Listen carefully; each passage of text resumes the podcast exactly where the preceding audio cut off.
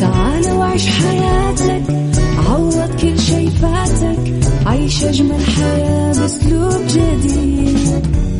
في دوامك أو في بيتك حتلاقي شي يفيدك وحياتك إيه راح تتغير أكيد. رشاق في كل بيت ما عيشها صح أكيد حتعيشها صح. في السيارة أو في البيت اسمعنا والتوفيق. تبغى الشي المفيد ما عيشها صح. الآن عيشها صح مع أميرة العباس على مكتف أم. مكتف أم هي كلها في المكس.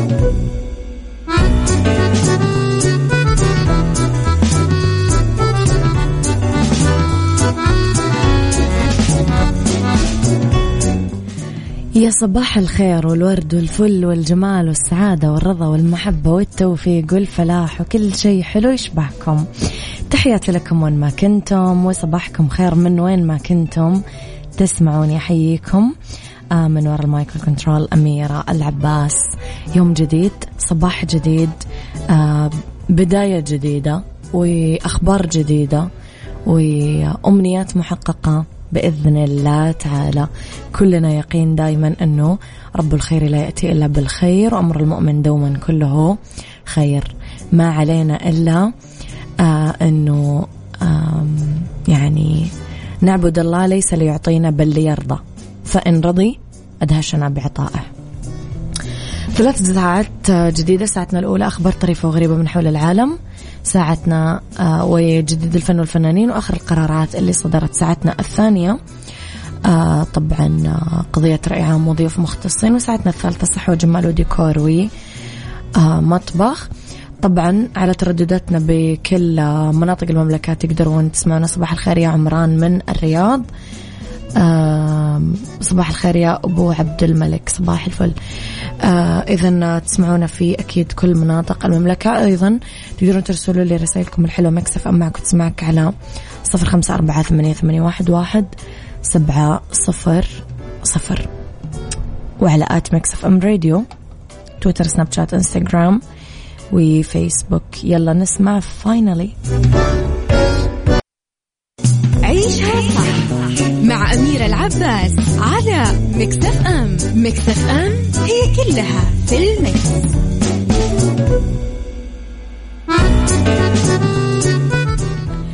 تحياتي لكم مرة ثانية صباحكم خير مرة جديدة. طبعا أعلنت وكالة وزارة الداخلية للأحوال المدنية أنه بإمكان المواطنين والمواطنات تجديد بطاقات الهوية الوطنية دون اشتراط التحصين.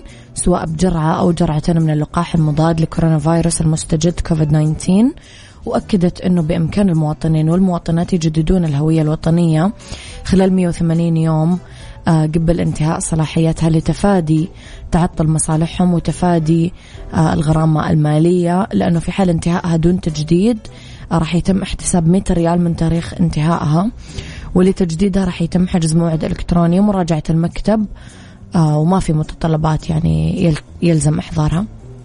طبعا أفادت الأحوال المدنية أنه في حالة تجديد بطاقة الهوية الوطنية وتم حجز الموعد لمراجعة المكتب بنفس يوم الانتهاء فما راح يكون طبعا في آه، فرض غرامة مالية أبدا. راح يتم الموضوع بطريقة رسمية وخلاص يعني.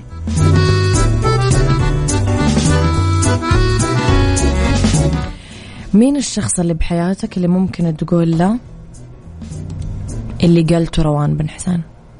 كان يا مكان كنت بحكي لك زمان. This is Mix FM, Saudi's number one hit music station. كان يا مكان روان بن حسين. عيشها صح مع أميرة العباس على ام Mix FM هي كلها في ال mix.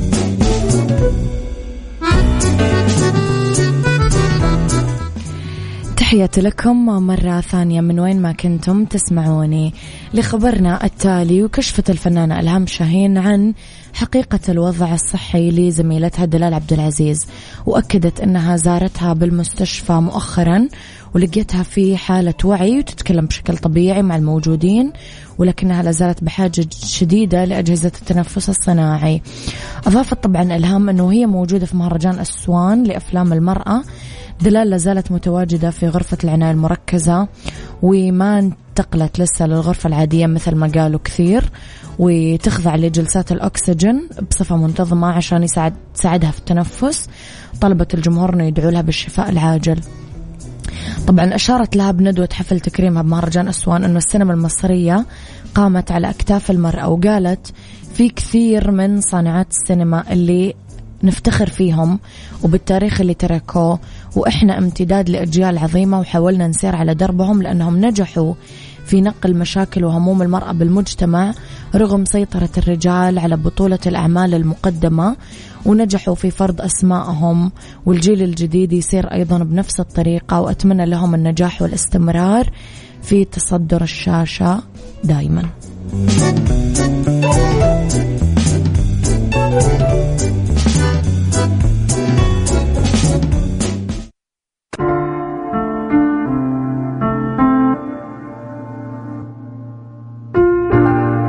We all experience pain. عيشها صح مع أميرة العباس على مكتف أم مكتف أم هي كلها في المكس.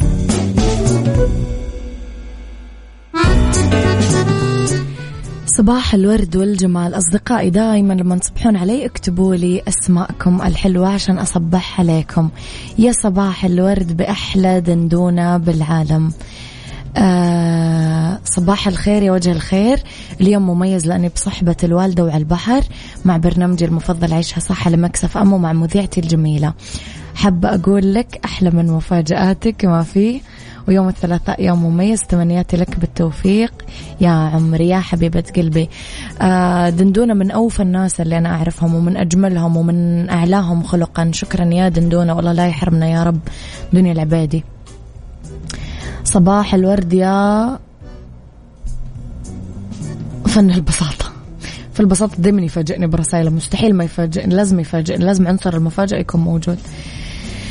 لخبرنا الأخير وأقيم يوم السبت مزاد علني. أول شيء دندونة تحياتي للوالدة وسلامي للوالدة وصباحها خير يا رب والله يحفظها. لخبرنا الأخير وأقيم يوم السبت مزاد علني آه، في ألمانيا لبيع طابع. بريد لونه أحمر يعود لمستعمرة موريشيوز البريطانية السابقة. هو واحد من الطوابع البريدية وأكثرها ندرة في العالم وتم بيعها مقابل 8.1 ملايين يورو. أعلنت دار المزادات أنه المالك الجديد للطابع هو هاوي. يجمع تحف وأشياء نادرة مشير إلى أنه أوروبي يتكلم الألمانية. طبعا كان الطابع عرض صباح يوم السبت من جانب مالكه السابق بمبلغ أربعة ملايين يورو. وفقا لدار المزادات ما يتغير مالك آه، مظروف الطابع ولا الطابع آه، بالغ القيمة إلا كل عدة عقود. بلغ عدد الراغبين بالطابع بعد عرضه ثلاث أشخاص. آه، تحت طوابع موريشيوز الحمراء والزرقاء.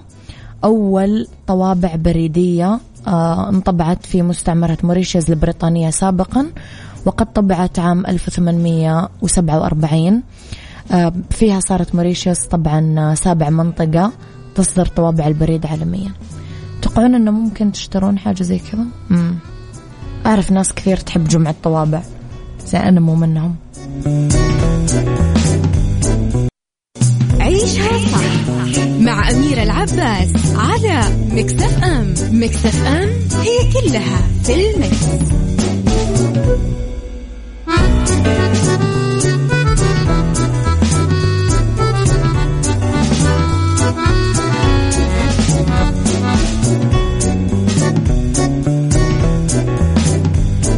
يا صباح الورد يا صباح الخير يا صباح السعادة ويا صباح الفلاح والهنا. تحياتي لكم وين ما كنتم من وين ما كنتم تسمعوني أحييكم من ورا المايك والكنترول أميرة العباس. ساعتنا الثانية اختلاف الرأي فيها لا يفسد للود قضية. لولا اختلاف الأذواق طبعا لبارت السلع. توضع مواضيعنا دايما على الطاولة بالعيوب والمزايا بالسلبيات والإيجابيات. بالسيئات والحسنات تكونون أنتم الحكم الأول والأخير في الموضوع. بنهاية الحلقة نحاول أننا نصل لحل العقدة ولمربط الفرس. موضوع اليوم في علاقة وثيقة بين التسامح والشعور بالسعادة. أفاد المعهد الدولي للتسامح أنه في علاقة وثيقة بين تسامح الفرد وشعوره بالسعادة. لافت إلى أنه الدراسات التطبيقية اللي أجريت أظهرت هذا الموضوع. ووضحت أنه في دراسة أجريت في دولتين عربيتين شملت 500 طالب جامعي اعتمدت على مقياس إكسفورد العالمي للسعادة واللي يحتوي على 28 بند آه، تقيس سعادة الفرد ومقياس هارتلاند للتسامح واللي يتضمن استبيان يرصد مدى ميل الفرد للتسامح تجاه الآخرين. ولقيت علاقة بين تسامح الفرد وشعوره بالسعادة نحو 93% سؤالي لك هل جربت تسامح من قبل وانعكس ذلك على شعورك بالسعادة؟ حسيت أنك مبسوط لما سامحت. وهل عندك القدرة أنك تسامح وتعطي فرصة ثانية لبداية جديدة؟ ولا عندك نظرية أنه يا عمي اللي يغلط مرة يلا مع مليون سلامة وأنا ما أبغى أسامح؟ المؤمن لا يلدغ من جحر مرتين. أنت من أي فئة؟ قول لي رأيك على صفر خمسة أربعة ثمانية, ثمانية واحد, واحد سبعة صفر صفر عيشها صح مع أميرة العباس على مكتف أم مكتف أم هي كلها في المكس.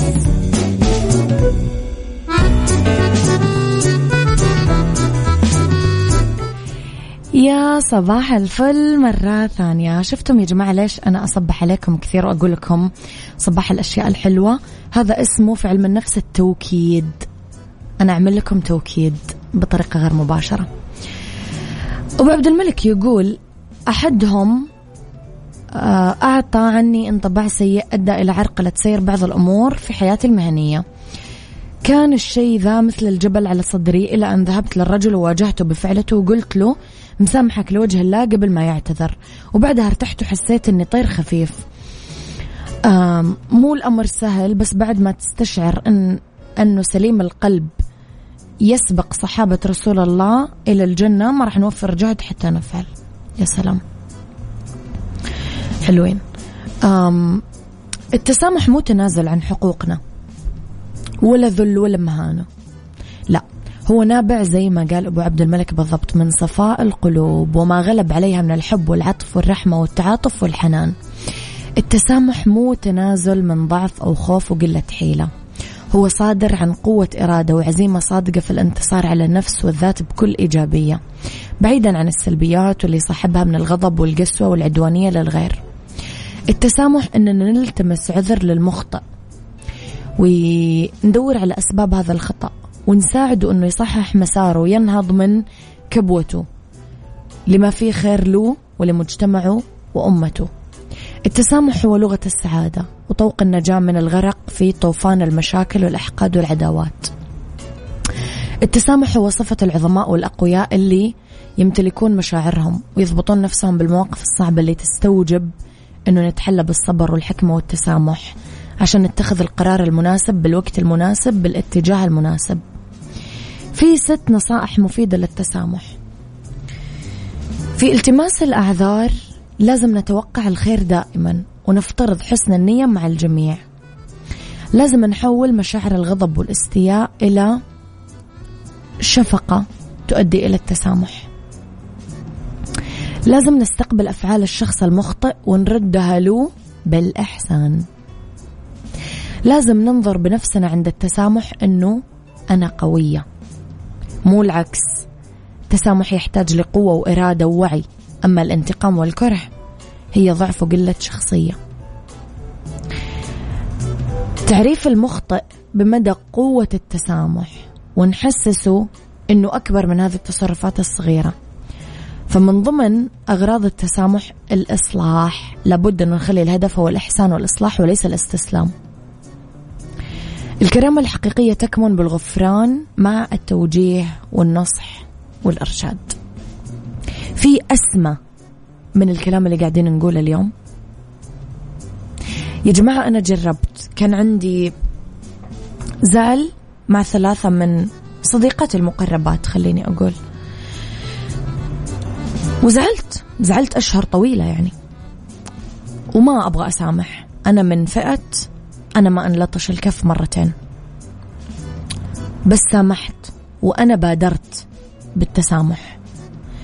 زي ما قال أبو عبد المسك ملك أنا حسيت أني خفيفة وطايرة وسعيدة وقوية وجميلة وراقية. حسيت بكل هذه الصفات أنها هي موجودة فيني. حسيت أني أنا سويت شيء كان لازم أسويه من زمان وحسيت أني كاملة لما عملته. فعلا حاجة حلوة ومريحة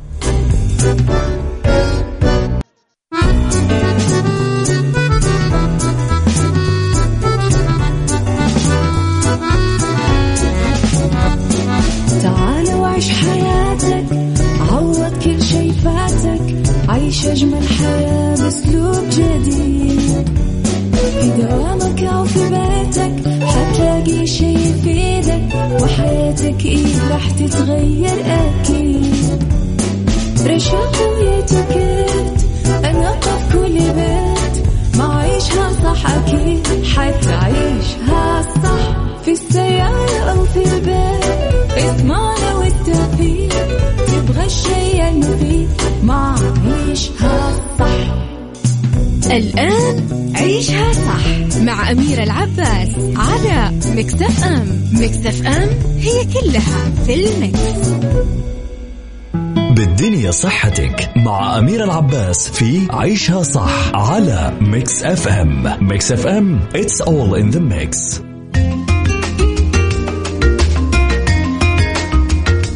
يسعد مساكم ويا أهلا وسهلا فيكم أولى ساعات المساء آخر ساعات عيشها صح أرحب فيكم مجددا. طبعا أذكركم إنه دائما تقدرون ترسلوا لي رسائلكم الحلوة على صفر خمسة أربعة ثمانية, ثمانية واحد, واحد سبعة صفر صفر. بالدنيا صحتك برعاية مجموعة أندلسية العربية للخدمات الطبية على مكسف أم. طبعا يوم اثنين ودائما أندلسية أكيد أي نورونا بتخصص جديد وطبعا ضيف جديد. اسمحوا لي أستقبل دكتورة سارة حفني في استديوهاتنا في جدة استشاري جراحة الفم والأسنان للحديث عن أحدث التقنيات والأساليب في زراعة الأسنان. يسعد مساكي دكتورة. يسعد مساك يا أميرة إزيك؟ الحمد لله نورتينا اليوم. نورك يا حبيبتي.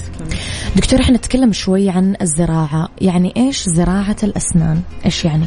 طيب إحنا زراعة الأسنان بكل بساطة هي تعويض السن المفقود بحاجة بديلة ال- البديل ده بيبقى عبارة عن جزء غرسة من التيتانيوم. بتوضع في العظام بحيث إنها تاخد قوتها من العظام دون التأثير على الأسنان الأخرى يعني أي أحد يكون عنده سن مفقود يقدر يعوضه بزرعة زراعة. و... نعم. طيب. السن المناسب للزراعة دكتور إحنا دائما لما نسمع كلمة زراعة نتخيل إنه بس كبار السن اللي ممكن يعملون آه، كذا علما إنه إحنا ممكن نكون صغار يعني وفقدنا أسناننا عادي بالظبط إحنا ال- الزراعة عندنا ممكن تبدأ من أول 18 سنة اللي هو سن البلوغ اللي يبقى بيبقى الأسنان والفك خلاص اكتمل نموه فالزراعة مش بتأثر عليه. فبنقدر من 18 سنة نبدأ على الزراعة. طيب دكتورة ليش دائما يربطوا موضوع زراعة الأسنان بضرس العقل؟ يقول لك لا إذا طلع إذا طلع إذا انشال إذا ما أعرف هل في رابط أصلا ولا مجرد إشاعات؟ لا لا هي إشاعة هي رابط. عليها إشاعات كثير. لا لا ملوش رابط خالص بس ممكن يكون علشان السن ممكن فاكرين مع سن طلوع در- دروس الع- العقل بيبقى خلاص السن مناسب للزراعة. بس هي لا ملهاش رابط في الحقيقة. هم لأنه يقولوا دكتور أنه آه، مثلا لازم يقيسوا المساحة هل ينفع هنا نحط سن ولا لا؟ فممكن ضرس العقل يدف الأسنان شوية ولا لا؟ لا مش بالطبيعي ان هو بي- بيضف فيضيق لنا المسافات لا. إحنا كل ما زادت الوقت بين الخلع وبين ال- الزراعة بتضيق المسافات. فإحنا بنفضل إن تكون الزراعة خلال أول ثلاث شهور لست شهور من الخلع عشان ما تأثرش عليها مش بترسل عقل خالص. طيب الفرق بين الزراعة الفورية والمتأخرة دكتورة هو هذا اللي كنت بتتكلمي فيه حالا. إيش الفرق بين الزراعة الفورية والمتأخرة؟ تمام. الزراعة الفورية ده معناها إن إحنا بنخلع وبنوضع الزرعة في نفس الوقت. دي الفورية. تمام؟ دي ليها فوائد كتير بس مش بنقدر نعملها مع كل الناس. أهم حاجة ما يكونش ال- العظام فيها التهاب في وقت الخلع لو الدنيا عندنا كويسة وقت ما بنخلع العظام كويسة وقوية بنقدر نحط الزرعة في نفس الوقت وده طبعا بيسرع لنا الموضوع كتير. الزراعة المتأخرة بتبقى من بعد شهرين من الخلع ده الحد الأدنى. لحد بقى خلاص وقت ما يعني ممكن تبقى بعد سنة بعد سنتين بس زي ما قلت لحضرتك كل ما كان الفت- الفترة قليلة كل ما كان العظام أحسن. عشان بيحصل زي تاكل أو ضمور في العظام مع الوقت طيب دكتورة لو ال patient اللي جتكم قالت لكم إنه أنا مرة تأخرت وكنت متردد مثلا في القرار وإلى آخره، هل حيقدر يعمل ولا يكون تأخر كثير؟ مثلا كذا سنة ممكن. لا مهما كان التأخر بيبقى ليه لنا أساليب كتير طبعا ال- الزراعة تقدمت كتير وبقى بنقدر بال- بالأشعة ثلاثية الأبعاد وال cone beam CT بنقدر نشوف سمك العظام والتحضير لها إيه ممكن يكون فعلا حصل ضمور بنقدر نعمل زراعة للعظام توسيع للعظام بطريقة معينة. بس ما فيش حاجة بتمنع إن شاء الله إن إحنا نعمل زراعة. زراعة السن نفسه.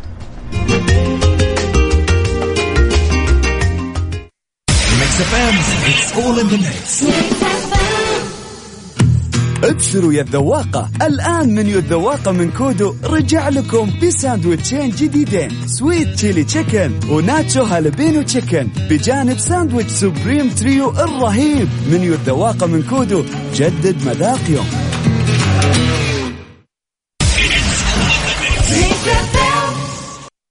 بالدنيا صحتك. برعاية مجموعة أندلسية العربية للخدمات الطبية على مكسف أم. إذا مجددا دكتورة وصلنا عند موضوع الأمراض المزمنة خلينا نقول مثلا يمكن أكثر شيء راح نتكلم عنه السكر ولا في أمراض مزمنة ثانية آه، تمنع زراعة الأسنان وهل لها علاقة أصلا مرتبطة ببعض ولا لا؟ طيب هو مبدئيا أكتر طبعا مرض مزمن بنتعرض له هو ال- السكري بس مش هو مش بيمنع إن إحنا نعمل زراعة. اللي بيمنع إن إحنا نعمل زراعة هو عدم التحكم في المرض ده. يعني يكون المريض مهمل في صحته مش بياخد الأدوية بانتظام. لكن لو اخذ الأدوية بانتظام بيبقى زيه زي أي واحد صحيح ما فيهوش أي مشاكل. أهم حاجة إن يكون آه، السكر بتاعه منتظم بنشوف السكر التراكمي بتاعه. لو على مدى شهور اللي فاتت مثلا ست شهور أو حاجة بالسكر التراكمي. كويس؟ لا مفيش حاجة بتمنع إن إحنا نعمل الزراعة. ولا مرض مزمن؟ ولا أي مرض مزمن حتى أمراض القلب. يعني بنبقى بيبقى ليها احتياطاتها. بنتابع مع الدكتور ال- الخاص بيه. لو في حاجة بتعرضه لسيولة الدم بنظبط السيولة وبنعمل الجراحة. مفيش حاجة اسمها منع مطلق لزراعة الأسنان. طيب دكتورة مين الكيس أو مين المريض اللي تقولوا له لا معلش إحنا ما نقدر نعمل لك زراعة؟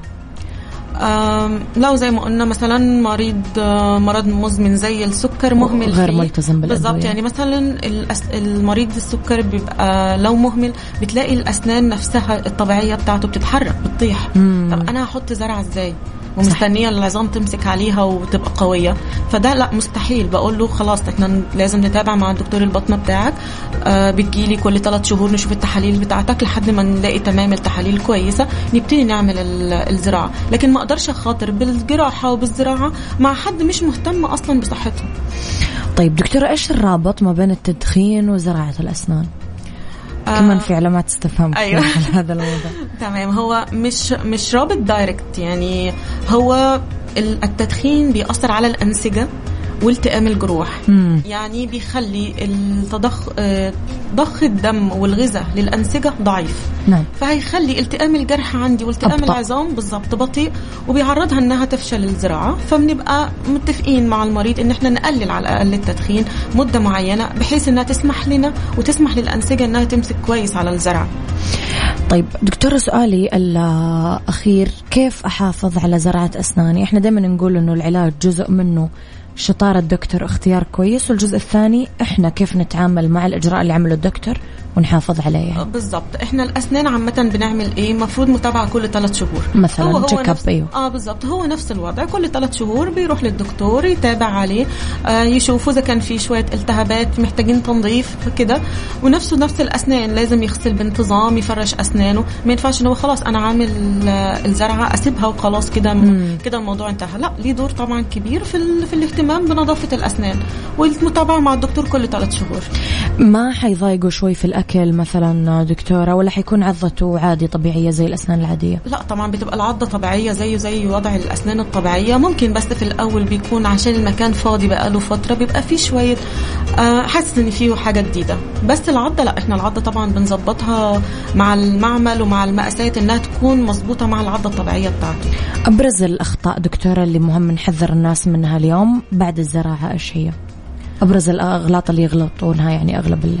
إن إحنا نهمل دي دي أبسط ما. بيعملوا check up آه ممكن يخافوا يعني ممكن لو كنت لسه بعد الجراحة على طول بيخافوا ان هم يفرشوا أسنانهم بالعكس آه. إحنا بنبقى محتاجين الاهتمام بعد ما نحط الزراعة ممكن برضو يخافوا ان هم يقربوا لهم بال أو خلاص نسيوا مش عايزين يروحوا يتابعوا للدكتور اكنها حاجة مش طبيعية في جسمه فمش مهتم بيها لا لازم طبعا يبقى في متابعة دورية مع دكتور الأسنان يشوف إذا كان محتاج آه آه تنظيف ليها محتاجة شوية لثة كويسة، لسه كويسة أو لا كويسة. مم. بالضبط آه لازم المتابعة دكتورة نورتي حلقتنا اليوم يعطيك ألف. عافية. أكيد لنا لقاءات قادمة بإذن الله تعالى شاء الله إذا كان اليوم حديثي مع دكتورة سارة حفني استشاري جراحة الفم وزراعة الأسنان عن أحدث التقنيات والأساليب في زراعة الأسنان اللي فاتوا الحلقة يقدر يسمعها أكيد على application Mix FM على اندرويد و iOS وتقدرون ترجعون لحسابات الدكتورة في السوشيال ميديا الخاصة ب Mix FM آه، تويتر وسناب شات وإنستغرام وفيسبوك at Mix FM Radio. تحياتي لك دكتورة thank you beauty. Beauty مع أمير العباس في عيشها صح على Mix FM Mix FM it's all in the mix.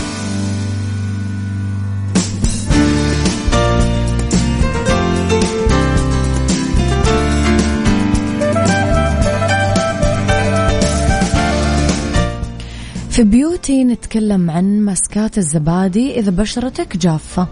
الزبادي يعتبر واحد من أكثر المرطبات الطبيعية للبشرة. فيها كثير vitamins كالسيوم بروتينات مغذية للجلد. تعتبر واحدة من الخيارات المثالية للي بشرتهم جافة تترك ملمس ناعم وتشيل أثار الحكة والتهاب الجلد. آه في عندك mask الزبادي والموز. راح نجيب ملعقة كبيرة زبادي موزة مهروسة. نخلط الموز مع الزبادي ونوزعه على بشرتنا الجافة. نترك الخليط لين ينشف. نكرر ال mask مرة أو مرتين أسبوعيا لأنه ما يحتاج أصلا جهد ويغذي البشرة باستمرار. وشكرا. سايكولوجي مع أمير العباس في عيشها صح على Mix FM Mix FM it's all in the mix.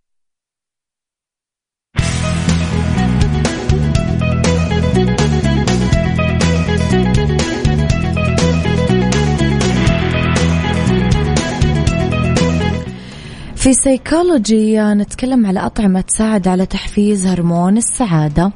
في الواقع هو هرمون آه، مجموعة من الهرمونات اللي يفرزها الدماغ. آه، تحسن الحالة المزاجية تخلصنا من الاكتئاب. وأكدت كثير دراسات أن المشاعر من ضمنها السعادة عبارة عن مجموعة من التفاعلات الكيميائية اللي تصير بسبب بعض الهرمونات بالجسم وتفاعلاتها. chocolates فيها نسبة عالية من الكاكاو أو ال dark chocolate أكثر فعالية في زيادة إفراز. الأندروفين تخلينا أكثر حماسة. هذا النوع من الشوكولات يزيد من مناعة الجسم ويغذي القلب ويحسن القدرات الإدراكية. المكسرات آه، ممكن نحفز الأندروفين أننا نغير الوجبة الخفيفة لسعراتها الحرارية آه، كثيرة. بالمكسرات والبذور ممكن آه، محتويات فيتامين بي وحماض أوميجا 3 آه، الدهنية والمغنيسيوم والزنك إنه آه، تثبط طبعا إنتاج الكورتيزول. التفاح في نسبة عالية من مضادات الأكسدة. بعد تناول التفاح يصير الجسم نشيط أكثر سعيد أكثر. القهوة كوبين لثلاثة يوميا تقلل من خطر الإصابة بالاكتئاب بنسبة توصل ل 15% فالنساء اللواتي لا يشربن القهوة أكثر عرضة للإصابة بالاكتئاب. الأفوكادو ممكن للفواكه اللي تستخدم عادة آه، بوصفها قائمة نظام غذائي لإحتوائها على الكربوهيدرات الطبيعية أنها تقلل من التوتر وتخلينا أكيد سعداء أكثر.